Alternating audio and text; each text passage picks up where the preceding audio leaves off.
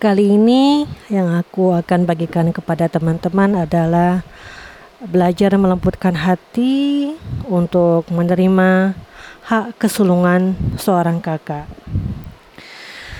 Ini rasanya untuk keluarga teman-teman yang berasal dari keluarga sakinah, mawadah, warahmah, keluarga harmonis, keluarga bahagia, tentu menjadi topik yang unik ya. Kenapa um, hak kesulungan itu dibicarakan sekarang? Apa yang menjadi masalah? Tentu bagi keluarga yang tadi aku sebutin ya, tentu nggak jadi masalah ya. Tapi buat aku yang berasal dari keluarga penuh ketegangan, yang kami anak-anaknya tumbuh dalam insecurity, Berbicara tentang hak kesulungan itu seperti berbicara hal yang mustahil. Tetapi aku akan bagikan pengalamanku berdasarkan um, masa lebaran di tahun 2021 ini. Kita tahu pada tahun 2021 ini uh, kita berada dalam masa pandemi COVID-19 dan um, kita harus mendapatkan vaksin. Aku mendapatkan vaksin Sinovac yang kedua beberapa hari menjelang Lebaran. Jadi um, kita tahu bahwa vaksin itu punya efek samping yang cukup berat, um, terutama untuk yang komorbid. Nah aku komorbid dengan asma, komorbid asma sehingga yang aku rasakan uh, pasca um, vaksin kedua adalah badan yang cenat-cenut, lalu uh, bersin-bersin berat, kepala sakit, dan merasa lemah. Dalam kondisi seperti itu, um, kakak sulungku memintaku terus-menerus agar aku menghabiskan masa lebaran di rumahnya. Sebagai seorang anak yang keras kepala, terutama kepada saudara-saudara, jadi keras kepalanya bukan hanya kepada orang tua tapi juga kepada saudara-saudara. Aku merasa seperti ini apa-apaan sih? Lagi nggak enak badan. Disuruh ke situ. Lagi nggak enak badan suruh jalan.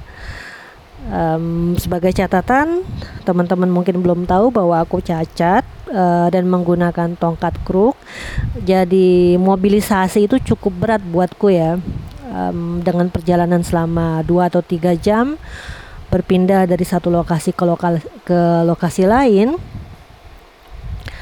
ya rasanya dengan perasaan berat dengan perasaan jengkel seka walaupun juga perasaannya enak ya ada ada perasaan disayang begitu karena diminta untuk menghabiskan masa lebaran di rumah kakak. Uh, sampainya di sana dengan segala kesulitan-kesulitan kecil yang aku alami.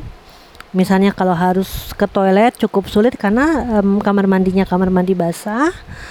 Um, menggunakan tongkat itu yang selalu aku alami adalah perasaan tegang. Takut jatuh takut terpleset takut ini takut itu. Uh, untuk tidur misalnya.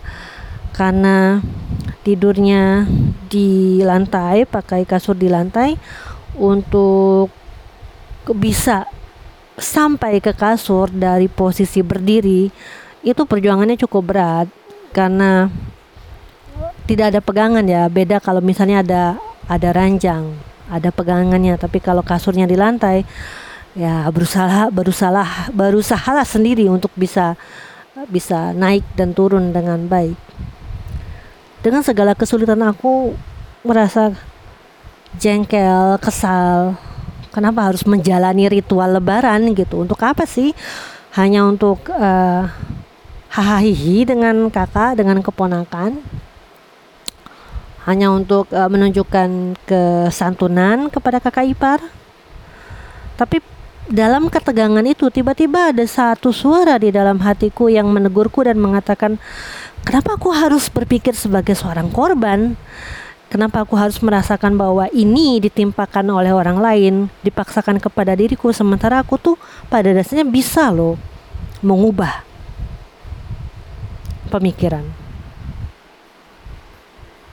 Jadi suara di dalam hatiku tuh mengatakan seperti ini, ya ubahlah pikiranmu. Jadilah seorang pemenang. Seorang pemenang itu tidak akan menyalahkan orang lain untuk keadaan-keadaan yang dia alami. Seorang pemenang itu harus memikirkan bahwa dia diundang datang oleh seorang kakak karena kakak itu menyayangi. Karena kakak itu punya hak untuk menyantuni adiknya dan dirimu Pril sebagai seorang adik punya hak untuk disayangi, untuk disantuni kau sebagai seorang pemenang Pril harus berpikir secara adil.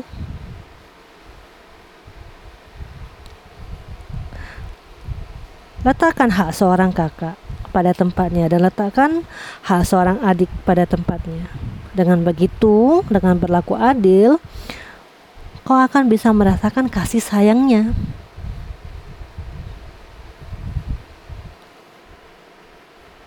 Dalam beberapa hari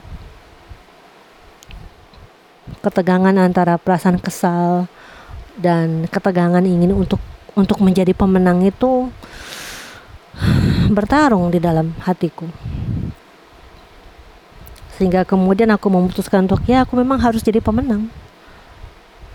Aku harus meletakkan hak seorang kakak pada tempatnya dan seorang adik mendapatkan haknya sebagai adik setelah aku memutuskan untuk memilih, seperti itu ya ternyata hatiku jadi sedikit lebih anteng gitu lebih tenang lebih adem. Dan pada saat hati menjadi lebih anteng lebih adem ya uh, aku mulai bis, bisa merasakan kasih sayang itu dari seorang kakak. Dan aku mulai mulai merasakan bahwa ya aku menyayangi kakakku dan dengan adanya perasaan yang menyelinap seperti itu aku jadi lebih bisa mendengarkan kata-katanya mendengarkan nasihat-nasihatnya bimbingannya ya. Ternyata dengan berlaku adil hati bisa menjadi lebih lunak dan hati bisa menjadi lebih uh, terbuka dan pada saat itu aku menyadari bahwa aku bisa mungkin aku tidak bisa menghapus um, luka di masa kecil tetapi aku bisa memilih untuk tidak memberikan porsi besar dalam mengingat-ingat hal itu. Dan itu membuat aku menyadari bahwa ya itulah perasaan yang aku alami dulu. Bukan perasaan yang aku harus alami sekarang. Dengan memutuskan hal seperti itu, aku merasa bahwa aku memperbaiki hubunganku dengan kakakku.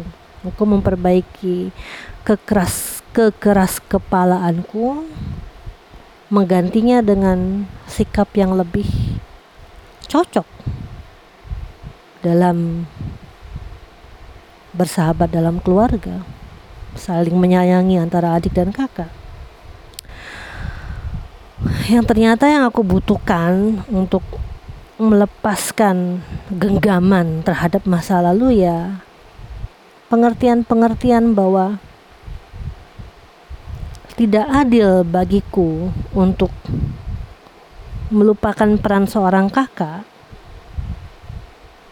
karena sebagai seorang adik memang aku berhak untuk disayangi dan tidak adil bagiku untuk melupakan peran seorang kakak karena memang haknya untuk menyayangi adiknya. Pertumbuhan hal-hal yang baru seperti itu membuat aku merasa semakin lama semakin menyayangi kehidupan ini. Bahwa kita bertumbuh, kita berkembang. Kalau kita mau melunakkan hati. Kalau kita mau meluluhkan ego. Dan hari ini pada masa lebaran ini aku belajar menghormati hak kesulungan kakakku. Aku rasa ini yang aku bisa bagi pada teman-teman pada hari ini. Di episode 2 ini, aku merasa senang bisa berbagi dengan teman-teman pada hari ini. Terima kasih sudah mendengarkan. Semoga bisa berjumpa di episode berikutnya.